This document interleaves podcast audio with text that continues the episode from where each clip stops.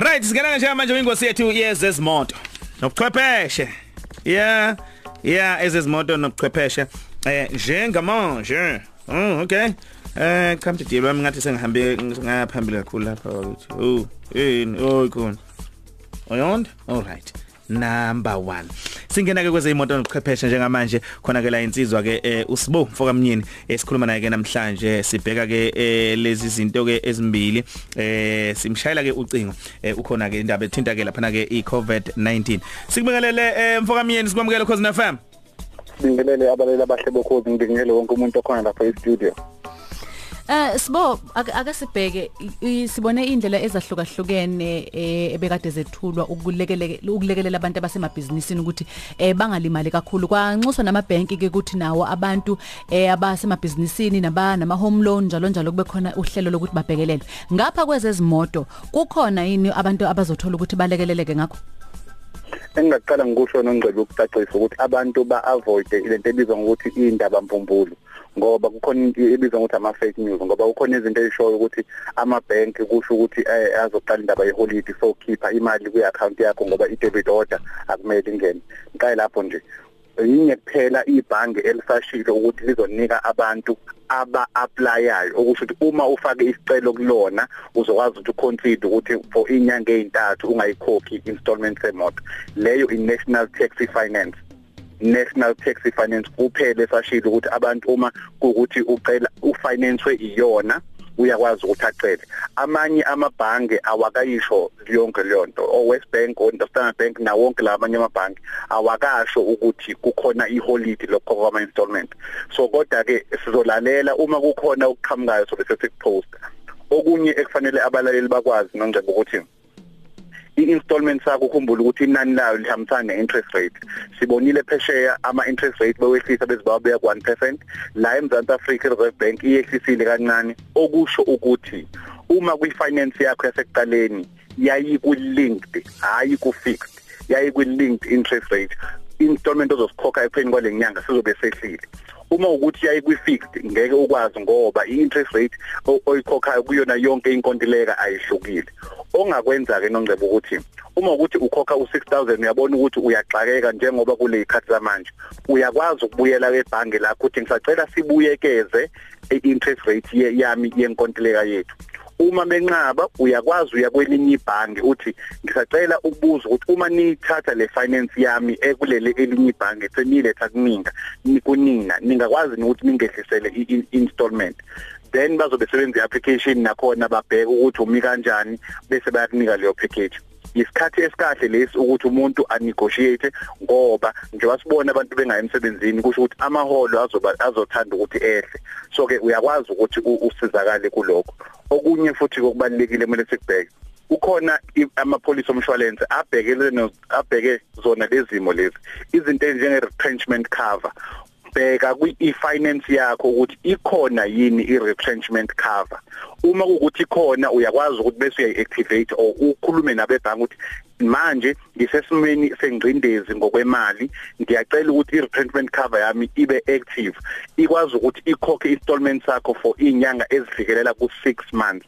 So kodwa ke hayi ukuthi wonke umuntu onayo bheka qala kwipolicy yakho yasebank or yecontract. Hayi einsurance ukuze umuntu uzosuka athambanise bheka kwi contract yakho ye finance uma ukuthi ukhokha installment ukuthi ikhona in retrenchment cover. Then bese wenza application kuyona ukuthi ikhokhele installment for inyanga ezifika ku6 Iningi labantu baseningizimu Afrika em sibo uma beya emsebenzini babambe public transport. Sizwile ke ukuthi izitimela zivaliwe eh indiza kuzoba ukuthi lezo ezithutha lokho kubalekile njalo njalo. Ake sibheke ukuthi eh ngokwe public transport eh nama facilities kule insuku ezu21 as a lockdown kuhleleke kanjani? Kuthiwa la into efana njengo Uber o Taxify nama taxi eh bese kuba namabhasi azohamba ngezikhathi ezithize kusukela ngo5 ekseni kuya ku9 azohamba futhi azothutha labo ekubizwa ukuthi ama essential services okusho ukuthi izindawo lezi ezivuliwe ngokubaleka sibala indawo indawo zokudayisa ezibekiwe futhi nazo. Inda amabhanki yonke okusho ukuthi ungakwa kufanele ube nencwadi noma ube ne staff card sakho esihambisana ne-ID yakho ukuze ukuthi uma imiswa imoto kwi roadblock ukwazi ukukhipha ukuthi mina ngisebenza esitolo esithize na into zami na incwadi yami. So kubalekile lokho. Isekuseni ngo5 am kuya ku9 am nantambama ngo4 pm kuze kuya ku8 pm okubalekile kunye futhi uma sikhuluma ngendaba zepublic eh uma ukuthi i-license yakho ye-disc noma i-license yakho yemoto i-expire kulo 21 days lo oqala namhlanje ebusuku. Uma umiso ku-roadblock bazokunika isinxephezelo until uze uphele u21 days. Uma usuphelile 21 days lo owokuthi sibe sendlini 14 days emva kwaloko ngifuna ukuyicacisa bakwethu kufike kube u21 days lo wokuthi hlala endlini uphele u21 days. Kulo 21 days uma umisiwe imoto yakhe i-license i-expire kulesi sikhathi sa21 days. Uma ukuthi vele isi-expire manje ayikwazi ukuthi ingene. But uma ukuthi expire kusukela kusasa kuze kuyophela lo 21 days ema roadblock uzokwazi ukuthi udlule. Emva kwa21 days unikwa u14 days wokuthi uapplyele i-license entsha. Ngoba indawo zama license indawo zama testing center zizobe zivaliwe. So abantu kumele bakubheke lokho. So ke okunye kubalekile kubantu abagibela amabhasi nantu abagibela kule ikhathi lezi eyishow kufanele benze show ukuthi umuntu uyakwazi ukuthi akhombise ukuthi yena ukulabo abantu abasebenzayo. Sengigcina ke nongcebo mhlambe engakusho ukuthi uma ukuthi imoto yakho ibidue for i-service kulesikhathi wabona ukuthi 21 days ama dealership avalile. Ukhumbule ukuthi imoto eziningi zikunika phakathi kuka 1000 kuya ku 2000 km ngaphezulu kwesikhathi sakho se-service. Imoto yami bekumele iye kwi-service ku 40000 km manje isiku 40000 mhlambe exactly ngiyabona ukuthi lo 21 days mhlambe ngizokwazi ukuhamba kancane. Ukhumbule bajwayele ukunika ngaphakathi kwa 1000 kuya ku 2000 so ungabi ungabi usuba nexhala usujaha ukuthi uye kwi dealership unaso isikhathi sokuthi uhambe kancane. Ukhumbuleke futhi akuvumelekile ukuthi umuntu nje ahambe engazi ibanga elide. Usho u2000 km ngalesikhathi 21 days ngiyacabanga ukuthi mkhulu kakhulu. But ke okubalekile nje ngifuna ukuthi kulolu hlelo namhlanje abalaleli bakuthatha ukuthi okwamanje iholide icingaphezelo sokungakhokha ama installment asikakaveli ngaphandle komuntu oku National Tax Finance ofinansiwe ozokwazi ukuthi abheke u3 months or uma une retrenchment cover ezobheka u6 months.